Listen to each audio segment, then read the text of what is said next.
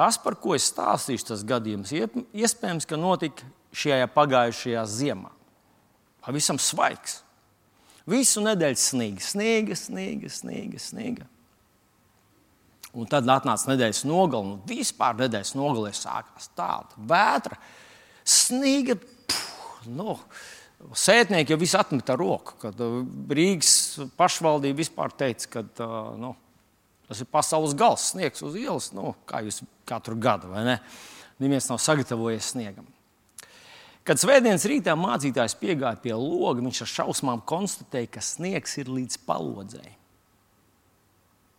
Viņš domāja, nu šitādā laikā neviens uz dievkalpojumu nenāks. Bet kaut kas viņam zina, ka pienākuma apziņa un kaut kas vēl viņam tomēr lika celties un lika nu, taisīties un doties.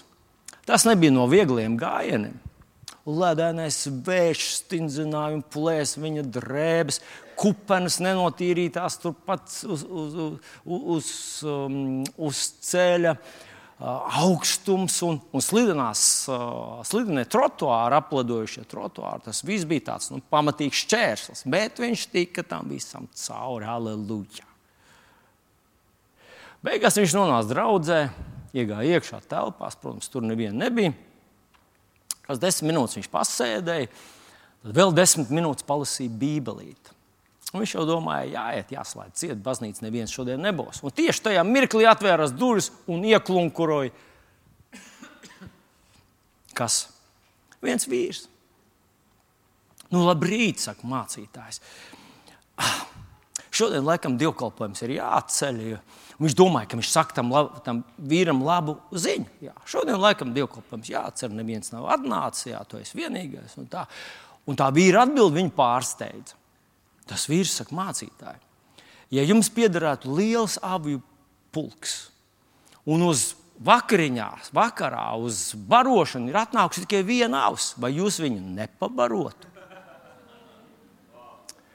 Vajadzēja pavisam īsu mirkli, un mācītāja aicinājuma apziņa pamodās. Viņš sajūta, un viņš izsaucās emocionāli skaļi. Jā, protams, es pabarotu. Viņš kā augšā kancelē, sirds viņam sitās ne, nu, vairāk nekā parasti. Viņš uzkāpa kancelē, un tas bija viņa dzīves sprediķis. Viņš sāk runāt par visiem dzīves izaicinājumiem, par visiem priekiem, visām grūtībām. Viņš iesāk pirmā mūža grāmatu, tad otro viņš sistemātiski izņēma cauri, tad lēnām nonāca līdz 3, 4, 5, 6. Visas lielās patiesības jau tur ir pasniegts. Tad viņš nonāca līdz iepa grāmatē, no iepa grāmatas viņš nonāca līdz psalmiem. Psalmos, kāda bagātība ir psalmos. Tad viņš nonāca līdz Jāņa evanģēlim, nu, evanģēlī apstuļu darbi, no apstuļu darbi, kas bija viss sistemātiski izņemts, kā viņi gāja un kā viņi evanģelizēja un tā tālāk. Viņš nonāca atklāsmes grāmatā. Atklāsmes grāmatā aizņēma daudz laika. Viņš runāja un runāja un runāja un runāja kad viņš nobeidza savu sprediķi. Ziniet, vēl tāds iekarsis un sajūsmināts. Viņš nokāpa lejā pie vienīgā saules un saka, nu kā tad ir ar aviju, vai, nu, vai avs ir pēdus ar to ēdienu pietika. Un tā vīra atbild atkal viņa pārsteidz. Viņš teica, mācītāji, ja tev piederētu liels ganāmpulks, un vakarā uz ēšanu būtu atnākusi tikai viena avs, vai tiešām tu sagaidi, ka viņa apēdīs visu sienas čūnu?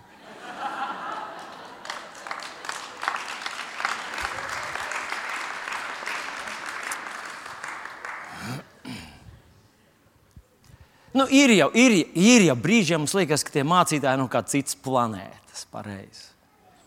Nu, nu, vai, tad, vai tad nevarēja nu, tā, tā, nu, tā veselīgi, tā vēsu galvu pieiet pie palodzes, paskatīties, kā ārā ir tāds laiks. Nu, nu, vienkārši, ne, vienkārši izlaist to kalpošanu. Vai tad, vai tad viens divkalpojums mazāk, viens vairāk? Pareizi. Visi diplomātiski klusē. Nu, Galu beigās tu esi, tu esi nu, uzņēmies kaut kādu kalpošanu. Nu, vai, tad, vai tad tev nu ir, nu, es nezinu, kādus. Mm, Asins pa deguni jākalpo, jāgatavojas, jāiet, jāsteidzās un jāskrien. Vai tu nevari tā vienkārši, nu, tāds, nu, tāds racionāls cilvēks ar tādu vēsu prātu. Nu, ja, protams, ka es to izdarīšu. Nu, ja vien, nu, ja vien nu, nu, ja dzīve būs, nu, nu, nu, sap, dzīve jau nav vienkārša. Jums labi, jūs nezināt, kas ir dzīve. Dzīvē ir vis, visādi simts, vis, visādi izaicinājumi, visādas grūtības. Tur ir sniegs, ledus un tā tālāk. Un, un starp citu, vai jums nekad nav licies, ka tie mācītāji varbūt kaut kā personīgi interesēti, lai mēs nākam uz dievkalpojumu? Ko? Viņi negrib tukšā baznīcā runāt. Viņi grib, lai kāds nāk, un varbūt viņam tuņi beidzās sveces, un viņam vajag iepirkt sveces, un viņi grib, lai tu nāc. Nerunāsim par mācītājiem. Mācītāji vispār pasaulē ir nu, ļoti, ļoti mazs procents salīdzinājumā ar visiem pasaules iedzīvotājiem. Runāsim par mums parastiem, vienkāršiem cilvēkiem, kuriem nemaksā par to, ka viņi nāk uz dievkalpojumu, kuri maksā. ziedu atnākuši uz dievkalpojumu, kuriem nav pienākums. Dievs nav viņiem uzticējis draudz. Viņi nāk vienkārši tāpat. Mīļais draugs, bet tev nekad nav radies tāds sajūta, ka iespējams, ka mācītāji pārspīlē ar to visu. Jo, ja Dievam būtu svarīgi, lai mēs ar tevi nākam uz dievkalpojumu, vai Viņš atļautu sniegam sniegt svētdienā, ko? Vai sniegs būtu sasniegts svētdienas? Nē, īstenībā, ja Dievam būtu svarīgi, ka mēs ar tevi atnākam uz dievkalpojumu, svētdienas rītā viss sniegs būtu nokusis. Jā, un bezmaksas transports būtu. Un īstenībā būtu tā, tu iznāc no mājas, un tu pagriezies uz, uz pludmales pusi, uf, nomācās viss, un zibeņš zibeņo. Tu pagriezies uz draudzes pusi, un tur saulīt spīd, un tev aicina tā vēlīgi, vai ne? Ko? Ja tu būtu Dievs, būtu šitā pareizi. nu, tur, kur atrodas draugs, nekad nebūtu ziemas. Tur nekad nelītu lietus, tur nekad nebūtu ne, ne, ne, nu, viss, kas. Jā, bet arī ar to vasaru arī nebūtu pār. Tu būt, būtu tā, ja es būtu Dievs, būtu tā. Tu atnāc līdz draudzē, domā, eh, ko labs laiks, pasēdēšu ārā un pēkšņi uzreiz tāda suta, ka domā, tomēr jāiet iekšā, tur ir vēsāks. Vai nav tā, ka mācītāji pārspīlē ar visu to padarīšanu, ka dievam tas nemaz tik ļoti svarīgi nav? Nu, padomājiet paši ar Bībeles lasīšanu. Vai Dievs grib, lai mēs lasām Bībeli? Ko? Kāpēc tur nav nevienas bildītas iekšā? Vai nebūtu vienkāršāk, ja katra nākošā būtu bilde? Un, un vēl, un vēl, mīļie draugi, Atcerieties, pavisam nesen atpakaļ bija tāds revolucionārs bildes, kuras pagrozu viņas mainījās. Tur vienā pagriezis vienā rakursā, skaties, un tur tas cilvēks, teiksim, ir, viņam acis cieta, viņš ir sarāvies, pagriezis nākšanu, viņš ir acis vaļā, un viņš kaut kādā žestā sastindzis tur kaut kādā tādā ietekmīgā, iespaidīgā kustībā. Un mēs ar tevi, ha, ha, viņš ir, ha, ha, mēs skatāmies uz to bildi. Iedomājieties, ja Bībelē būtu tāds dzīves bildīts, tur redz Abrahāmu, viņš tur iet, un nākamajā bildītē viņš pacels duns par, par um, Īzāku. À, mēs skatītos biežāk. Kāpēc Dievs neielika bildīs? Kāpēc tur nav komiks? Vispār, kāpēc viss Bībele nav komiksos? Multfilmās. Vīriešiem, vīrieši daudz vairāk skatītos Bībeli, ja tā būtu multfilms. Nu, muļ, ne multfilms, bet multfilms. Vīrieši pareizi. Nu, nestāst nevienam mūsu vīru noslēpumus. Vai Dievs ir ieinteresēts tajā, vai tas, ka, ka es tā tik, nu, nu, tikko mums bija dievkalpojums pagājušajā svētdienā, Dārvids runāja par svētāpšanu.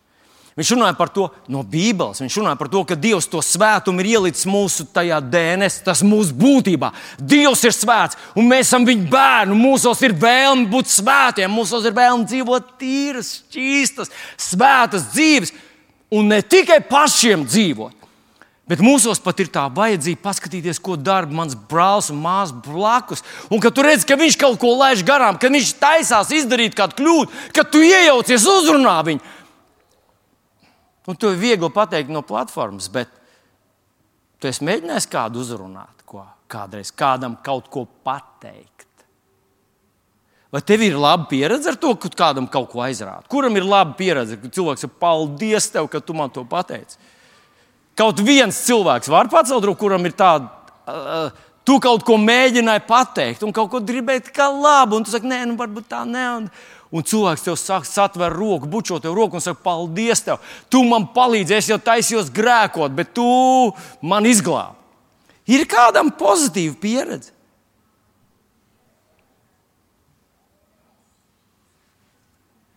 Dāvid, tev jāsludina vēlreiz. Neviena roka nepacēlās, ka kādam tas būtu pozitīvi. Jā, dažreiz mēs aizējām pie doktora, un mēs zinām, ka nekas patīkams tur nebūs, bet mums ejam, mēs gribam sekot viņa padomiem, jo mēs gribam būt veseli. Nu, tā tad tikko mums bija tas vārds par svētumu, ja nu es tā ļoti, nu, tā ļoti nopietni to uztveru, Un es tā pieķeros, un es saku, Dievs, jā, es gribu, es gribu dzīvot tādu dzīvi. Dievs, jā, es gribu tev paklausīt. Es saprotu, ka tā ir tava griba. Re, kur es esmu, un es savā dzīvē gribu to realizēt. Kuram nu tā ir labums?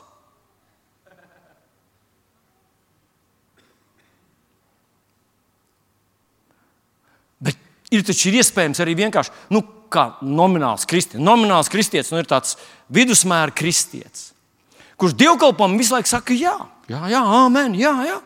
Bet viņš jau nedomā par savu dzīvi. Viņš vienkārši saka, tu pareizi sludini, pareizi bija, un tas bija pareizi. Dāvidi, tas bija pareizi, Līga, tas bija. Jā, malači, hei, jūs pareizi atcerēties, mums labi atmiņa. Tas ir viss. Bet es izgāju ārā, es dzīvoju, nu kā, nu kā es dzīvoju.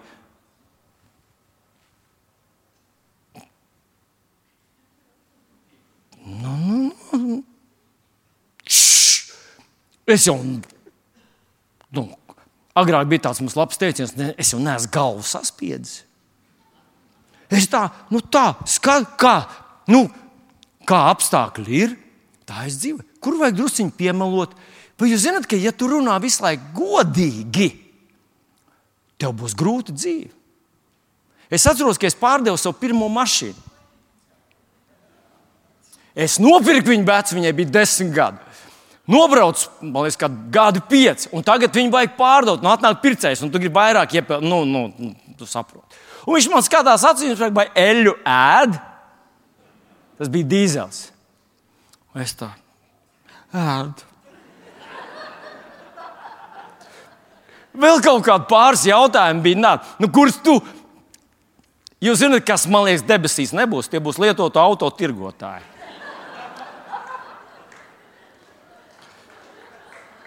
Jo tu nevari pārdot vecu mašīnu tā, lai tas pircējs viņam būtu vismaz sajūta, nu, ka viņš nopērk jaunu. Jo tev visu laiku jāmelo. Vai ir rūsējusi 15 gadu mašīnai?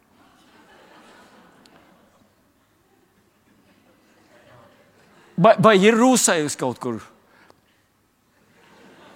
Paskatieties, kādas skaistas debesis! Padomājiet, kur jūs varēsiet aizbraukt ar šo auto, ar visu ģimeni. Nu, citiem vārdiem, ja tu runā godīgi, ja tu visur saki patiesību, tev būs šausmīgi grūta dzīve. Ja tu nezodz, vai tu nav tāds gods? Es jau nerunāju par lielām zakšanām, bankas laupīšanu un, un, un, un vēl kaut ko. Nu, Drusciņi kaut kur tu kaut ko piesaminies, kādam atņem godu. Nav, nav jau uzreiz jāaprunā cilvēks un jāsaka, ka viņš ir šausmīgs šāds vai tāds.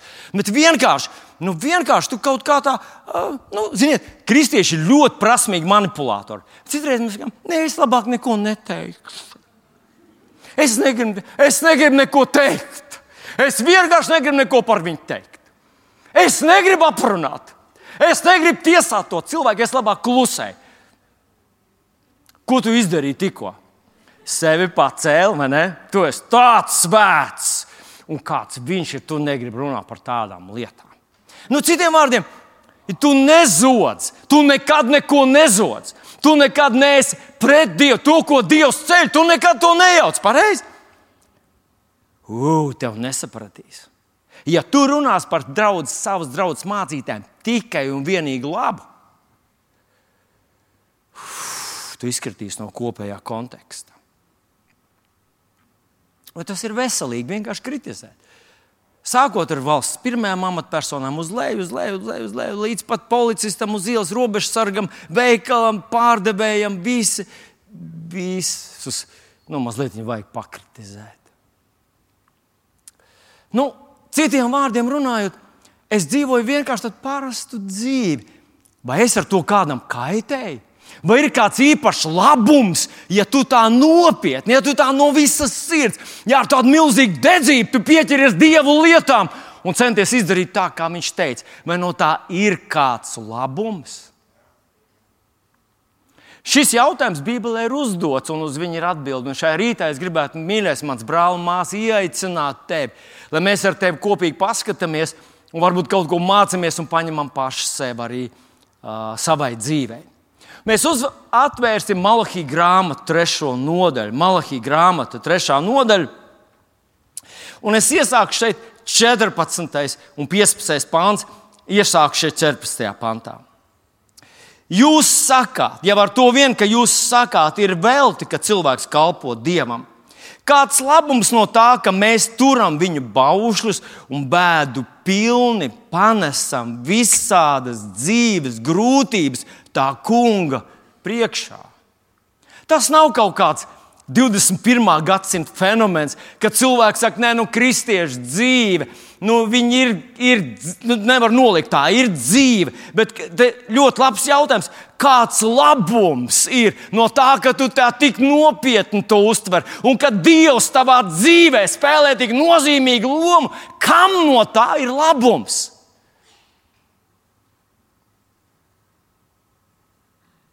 Visas tās grūtības, kas nāk līdzi. Un šī doma attīstās 15. pantā. Un 15. pantā mēs lasām sekojošo. Tāpēc mēs daudzinām laimīgus, esam likuma nievātājs, un bezdievīgo skaits pieaug. Viņi kārdina dievu, ieklausies, un tomēr viņiem viss iziet labi. Ko tad viņš te saka faktiski? Viņš te saka, ka cilvēkiem kuri neiesprings par dievu likumiem, neiesprings par attiecībām ar Dievu, neiesprings, lai viņam paklausītu, uzticētos, lai ticētu, lai respektētu visus tos viņa ceļus. Viņiem dzīvē vieglāk iet, viņi labāk dzīvo. Nu, taču kāda jēga ir ieturēt visus tos baušļus, visus tos dievu principus, ja bez viņa, ja bez tā visa cilvēks ir vairāk adaptēts dzīvei. Viņš kaut kur piemelo, kaut kur kaut ko nočiep. Tu, kaut kur kaut kādu pieviļ, kādu uzmet, kaut kur viņš ir uzticams. Nu, tur, kur viss ir redzams, kaut kur viņš ir neusticams. Tad, kad tas ir izdevīgi un neviens neredz, viņš vienkārši dzīvo nu, tā kā nu, tā kā dzīve piespēlē tos visas izdevības. Viņš dzīvo, nav viņš ne sliktākais, nav viņš labākais. Viņš vienkārši normāls cilvēks ir. Un tieši tas ir tas, ko šis 15. pāns mums saka. Cilvēki, kas nu, tā vēsu galvu, vēsu prātu, visu to uztver, viņi labāk dzīvo. Vārds. Es tā pie sevis sāku domāt, pagaidiet, pagaidiet, pagaid, vai tiešām tas tā ir? Vai tiešām tas tā var būt? Ka mēs nonākam tādā, varbūt mēs to atklāti sev nepasakām, bet mūsu, mūsu dzīve liecina, ka tieši tāda ir mūsu filozofija. Ka neiesprings, nu, tu esi kaut ko uzņēmies kalpošanā, bet tu jau neiespringsti par to. Ne? Tu izdarīsi, nu, ja sanāks, ja būs, ja būs izdevīgi, ja nebūs nekas cits un tā tālāk. Tu kaut ko esi apņēmies. Nu, tas pats vārds par evanģelizāciju. Ejiet, ej, lielā pavēle. Man ir dota visa vārda debesīs un virs zemes, tāpēc es jūs sūtu. Nu, protams, ka tu evanģelizēsi, vai ne? Protams, protams, ja tev kāds prasīs, tu evanģelizēsi. Protams, ka tu to esi darījis. Protams, ka nu, tu gribētu. Bet, lai tu tā baigi nopietni to uztvertu, lai tu tā nopietni Tiem cilvēkiem grūtāk iet dzīvē, kas tā ārkārtīgi pārspīlē ar visu to. Tā ir mana misija katram cilvēkam pastāstīt un pasludināt. Tā tu nevari būt veiksmīgs. Tev nemīl šeit, nemīl tur, ne, neaicinās uz turieni. Tu neesi negribēts šajā sabiedrībā un tajā komandā. Un tāpēc tu, esi, tu vienkārši dzīvo tā, tā, tā saprātīgi un tā tālāk. Vai tiešām tā var būt? Ka melnu tu sauc par baltu. Un balts, tas, kas dieva acīs ir balts, tu to sauc par, nu, tas nav īsti balts, tas kā pelēcīgs, bet drīzāk melns. Ka labais ir slikts un sliktais ir labs. Un es pie sevis sāku domāt, kur es to esmu dzirdējis, kur ir precedents tam, ka tas, ko Dievs saka, ka, ir, ka tas ir labi, kā cits saka, nē, nu, tas nav īsti labi. Un es atceros to stāstu ēdienas dārzā. Tur bija čūska un Ādams un Ieva. Un die, Ādams saka, Dievs mums sacīja, nē, Ieva tā bija. Ieva saka, bet Dievs mums sacīja tā un tā. Un čūska saka, nē, nu beidz. Nu beidz. Kur tu to izlasīji? Viņš saka, Jāņa evanģēlijā, piemēram, vai romiešiem es izlasīju, vai apakšu darba beigās. Viņš teica, tā būsiet spēku un būsiet man liecinieki. Un čūska saka, nē, nu beidz. Tu pats būsi Dievs. Dievs īstenībā grib tavu dzīvi padarīt pelēku, grūtu, smagu. Dievs viņš neko neiedz no dzīves. Paklausies, kā es saku, tu pats būsi Dievs. Atcerieties! čūska, kas melno sauc par baltu un balto par melnu. Un tad, tas ir tas, ko Malahijas saka 3.15. Tie, kas Tie, kas vienkārši ignorē visas tās dievu lietas, viņiem ir vieglāk dzīve. Un tas ir tas, ko Čūska saka cauri visai Bībelē. Beidziet, neiespringstiet. Nav vērts, nevienam no tā nav labums. Pats Dievs nav ieinteresēts tajā visā. Vai Dievs varētu būt neieinteresēts? Vai varētu būt tā, ka Dievam mana paklausība, mana dedzība, mana lielā mīlestība izdarīt tā, kā viņš teica, ka viņam tas neko daudz nenozīmē? Jūs zināt, šo jautājumu, manuprāt, uzdeva, uzdeva apstults Pēters. Uh, Mateja evanģēlijā 19. nodaļā, 27. pantā viņš saka Jēzum tādus vārdus. Viņš saka, redzi, mēs visu esam atstājuši un tev sekojuši. Kas mums par to būs? Ko viņš īstenībā saka? Viņš saka, ka es esmu visu savu dzīvi pakļāvis tev. Es savu laulību cenšos darīt tā, kā Dievs sacīja. Es savā darba gaitā cenšos darīt tā, kā Dievs man mācīja. Es savā kalpošanā cenšos būt uzticams tā, kā tu no manis sagaidīji. Es savā savu privāto, brīvo laiku, visu savu dzīvi esmu pakļāvis tev. Kas man par to būs? Citiem vārdiem viņš saka, Dievs, vai tev tas ir svarīgi? Un es zinu, ka šodien atrastos mācītāji, kas teikt, vilni izbeidz. Jēzus atbild visdrīzāk būtu tāda. Tagad Pēters viņam saka, Kungs, mēs visi esam atstājuši un tev sekojuši, kas mums par to būtu. Un je, tas tā, Jēzus saka, nopietni, Pēter, nopietni!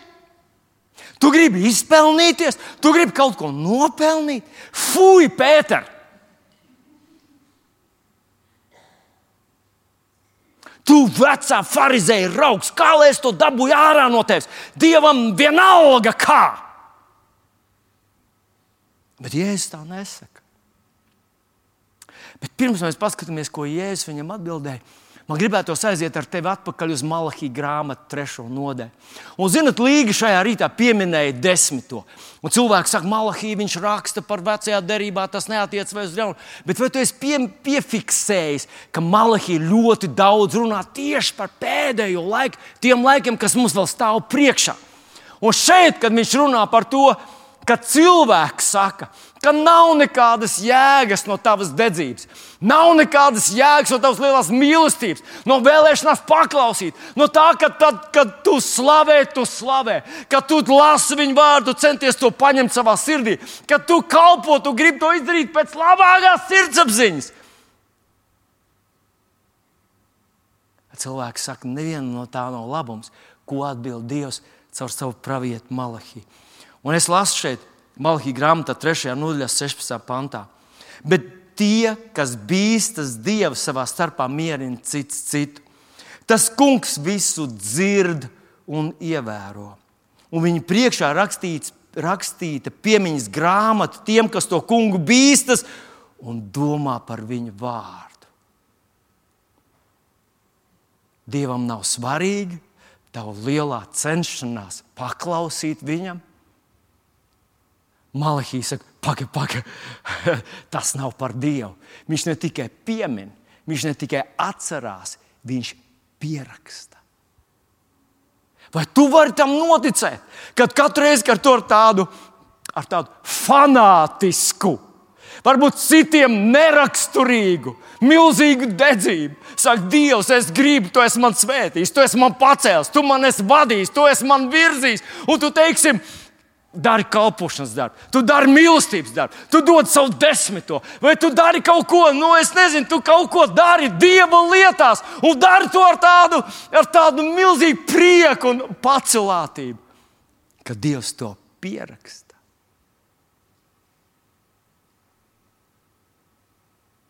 Dievs pieraksta. Viņš saka, ka tas, ko viņš izrunā, viņa vārds stāvēs mūžīgi.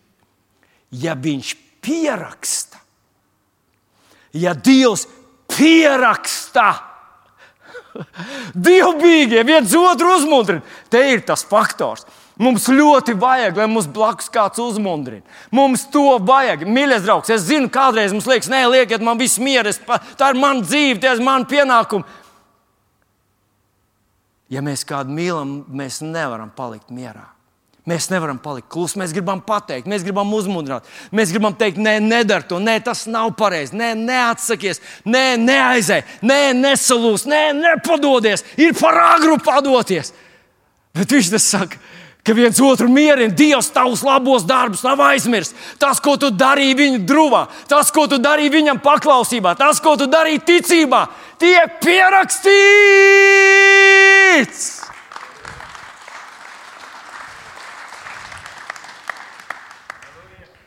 Ja tu gribēji zināt, vai Dievam tas nozīmē kaut ko,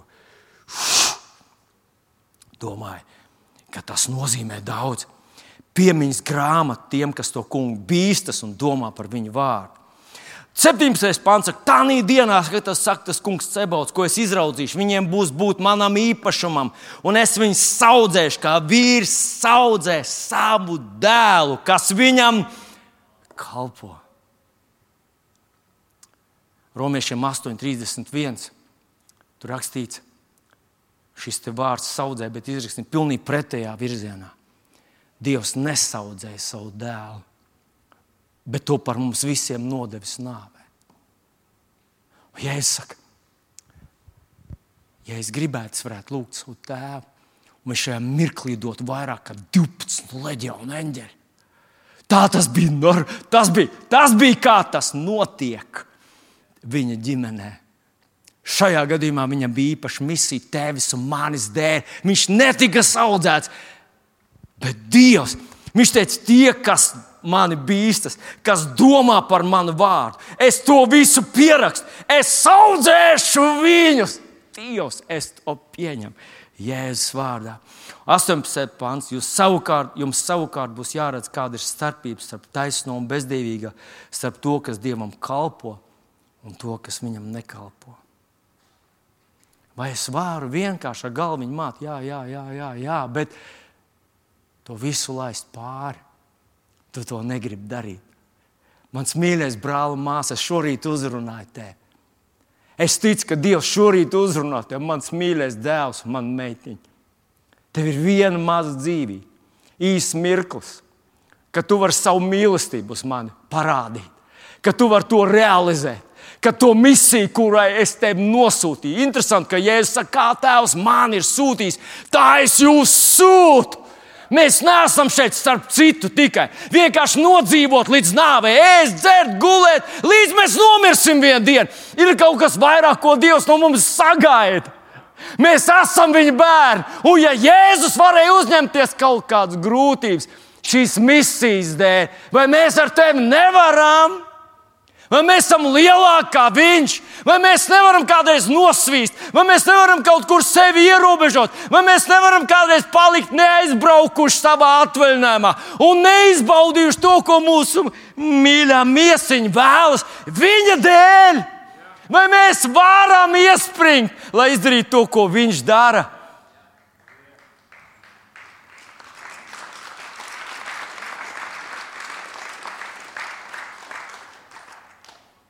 O, jā, Mēs varam. 20. pāns, bet jums, kas manu vārdu bīstaties, uzlieks taisnības sauli. Un jūsos ieplūdīs dziedinājums no šīs saules pārnu gaismas. Un jūs iziesiet un lēkāsiet kā barojamie teļi. Tā taisnības saule ir Jēzus Kristus. Un no viņa mums plūs dziedinājums. Es ticu, ka tā nav vienkārši maza Bībeles skolas tēmiņa. Es ticu, ka dziedinājums un dziedināšana ir reāls. Kaut tas būtu priekš mums arguments, kaut tas būtu priekš mums faktors, ar ko rēķināties mūsu ikdienā, mūsu sadzīvē. Ieplūdīs dziedinājums, un 21. pāns. Jūs samīsiet bezdievis, jo viņiem būs kļūt par pīšļiem zem jūsu kājām.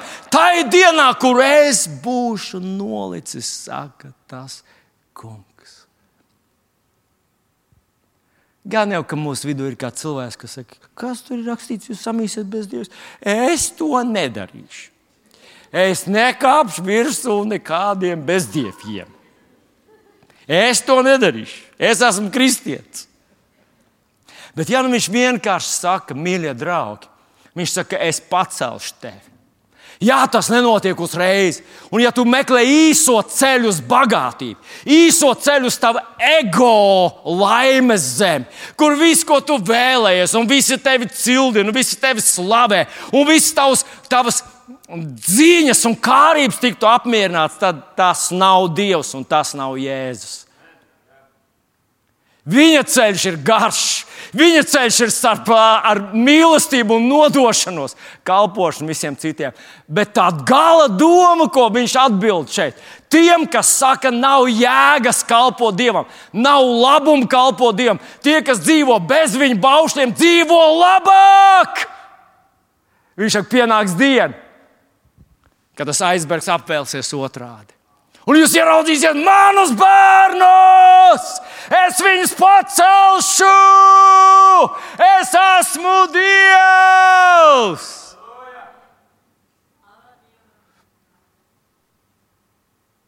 Halleluja!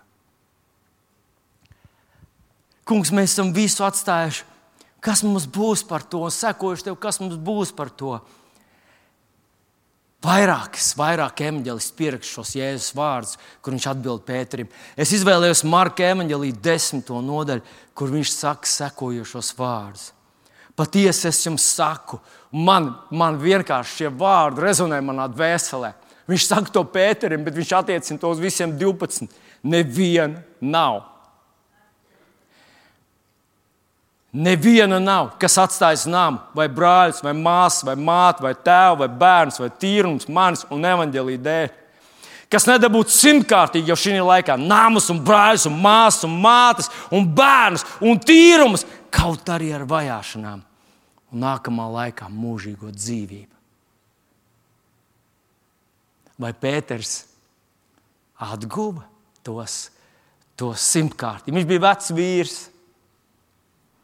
Pārējie mācekļi bija krietni jaunāki par Pēteru. Un kad Pēters saka, mēs esam visu atstājuši un tev sekojuši, kas mums par to būs. Māte evanģēlijā viņš sacīja, jūs, kas man, at, kas man sekojuši, jaunajā laikmetā, tajā jaunajā laikmetā tas ir kā, kad zeme tiks restaurēta. Tas kā, ja tev kādreiz ir bijis telefons, kurā nedarbojas vairs nekas, un tu viņu restartē. Kad tu viņu restartē, atkal visas programmas, viss atkal sāk strādāt kaut ko tādu mesija apsolīja. Viņš saka, tad, kad es restaršēšu šo zemi, un es ticu, ka viņš runā par tūkstošu gadu miervalstību, kad mesija valdīs Jeruzalemē. Viņa 12 mācekļi sēdēs uz 12 troņiem un valdīs pār visu Izraelu cilti. Un es ticu, ka tas ir tas, par ko viņš runā, ka tajā laikā oligarhi nebūs tie, pie kuriem mēs esam šodien pieraduši, nepierod pie tā. Pienāks diena, kad Dievs tos, kas viņa dēļ viņa dēļ uzticējās un kalpoja, kas nodevās, kas sekoja, kas teica, Dievs, mēs tevi mīlam tik ļoti, tu esi mums tik svarīgs, ka mēs esam gatavi pieciest un uzupurēties, lai izpildītu to, ko tu gribi šajā pasaulē. Viņš pacels tos cilvēkus. Un tas ir tas, ko viņš te saka.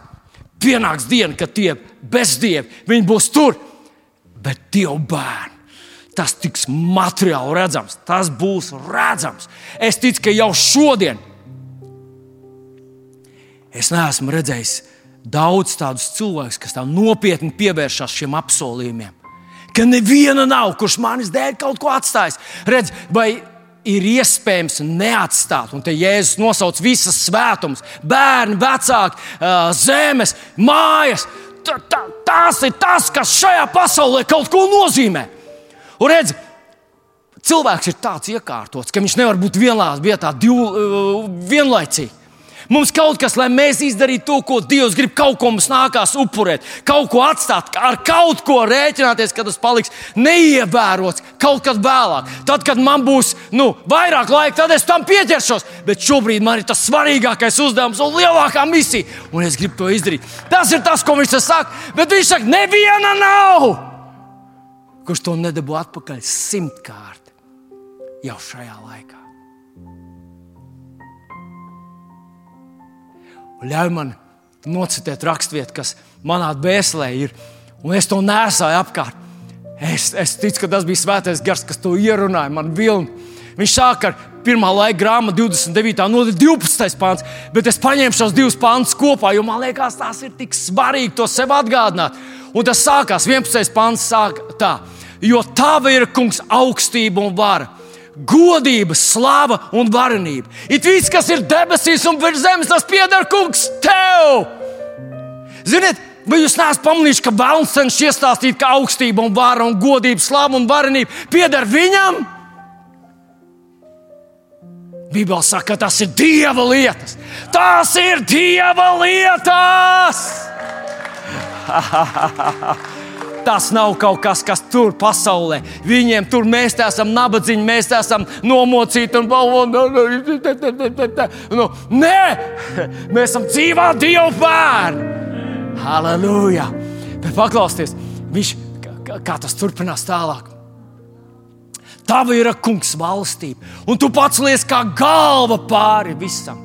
Un tad viņš runā tālāk, un bagātība un gods nāk no viņa un bagātība un gods. Piedodiet, ka es kliedzu. Kā es gribētu, lai tas ierakstās tavā sirdī, ka nē, Dievs nav paredzējis, ka tu teici, lēnām izdzisīs. Es jau paliku katru gadu vecāks. Dievs dod spēku, sagādāt labklājību. Tas nenozīmē, ka tev jāiet ar cirvi mežā. Tas nozīmē, ir simti vis visādi veidi. Mēs paši sevi norakstam, mēs paši sev noliekam pie malas, ka, jā, kā tam man pensija maziņa būs un, un nabadzīgs es būšu. Nē, kurš ir teicis, ka tev jābūt nabagam? Kurš ir teicis, ka tavs Dievs nevar? Kurš ir teicis, ka viņš to nebija paredzējis? Kurš ir teicis, ka viņa bāda maize paredzēta viņa svētajiem? Velns! Velns teica, ka daudz izdevīgāk ir kalpot viņam, tad tu būsi nodrošināts līdz beigām. Bet viņš ir melis un melu tēvs. Viņš teica, ka jūs būsiet dievi, viņš pārvērt mūs par vergiem.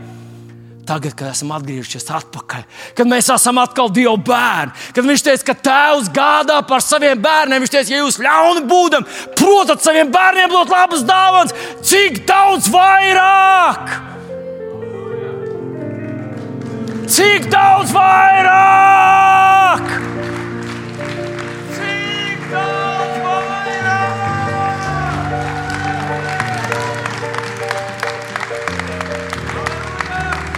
Halleluja! Un bagātība un gods nāk no tevis. Tu esi valdītājs pār visu. Tavā rokā ir spēks un vara. Tava roka paaugstina! Tava roka paaugstina! Tava roka paaugstina! Un dara stipru. Mans mīļais brāl un māsa. Vai mums nebūtu jāizmazgā savs acis un tās reliģiskās, no kaut kādas savas pieredzes skolas? Mēs savu pašu pieredzi sev pēc tam pielietojam un programmējam sev nākotnē, kur Dievs saka, hei, nē, nē, nē, nē. nē. Es esmu radītājs, es esmu Dievs, un augstība, un vara, un godība, un slava un varnība. Ir viss, kas ir debesīs un virs zemes, tas pieder man, un bagātība un gods nāk. Mīļie draugi, Par mums klīst runas, ka te ir tikai biezie cilvēki. Priekvēsti vispār nāk tikai miljonāri. Kāpēc gan mēs nepieņemam šo pravietojumu vārdu? Ko? Jūs zināt, ienaidnieks, vai, vai viņi tik stipri. Un mēs sakām, Āmen, Jēzus vārdā, jo visbagātākais cilvēks. Iedomājieties, ja mūsu debes tēvs, debes tēvs, kuram pieder augstība un vara, godība, slava un varenība, ir viss, kas ir debesīs un virs zemes. Ja visu viņa bagātību izdalītu vienādi uz mums visiem, mēs visi esam multimiljonāri. Jā, es sev tā neredzu, Vilni, bet varbūt jāļauj tev, lai svētais gars lai viņa vārds izmaina tavu skatījumu par tevi, par viņu, par tavu nākotni. Jā, varbūt tu atnāc kā tāds bombzītis. Un, zinot, tas ir tas, kas man kādreiz sāpina. Cilvēks ir, kur ir bomži jūsu draudzē?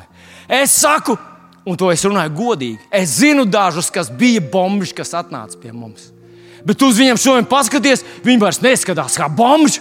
Es ticu, ka tas ir tas, kas notiek ar cilvēku. Ka tad, kad Dievs ienāk viņa dzīvē, kad viņa svētība, palīdzība, spēks, gudrība pieskarās vienam cilvēkam, viņš transformē tā cilvēka dzīvi jau šeit.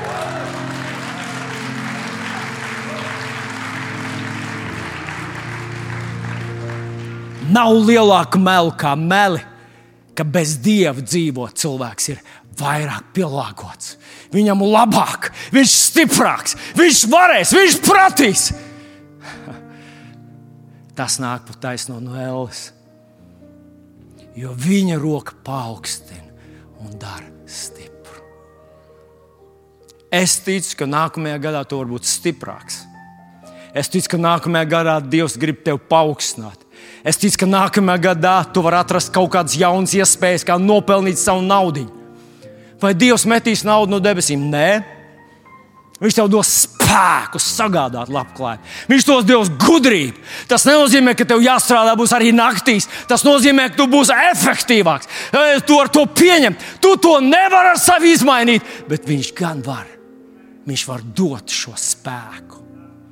Un tāpēc, mīļais, mans draugs, kas var būt labāk kā kalpot Dievam? kas varbūt labāk ka kaut ko atstāt viņa darba dēļ, viņa misijas dēļ. Kas var būt labāk? Kā iespringt par to, ko viņš teica, ko viņš mums nodeva un kur viņš mūs sūtīja.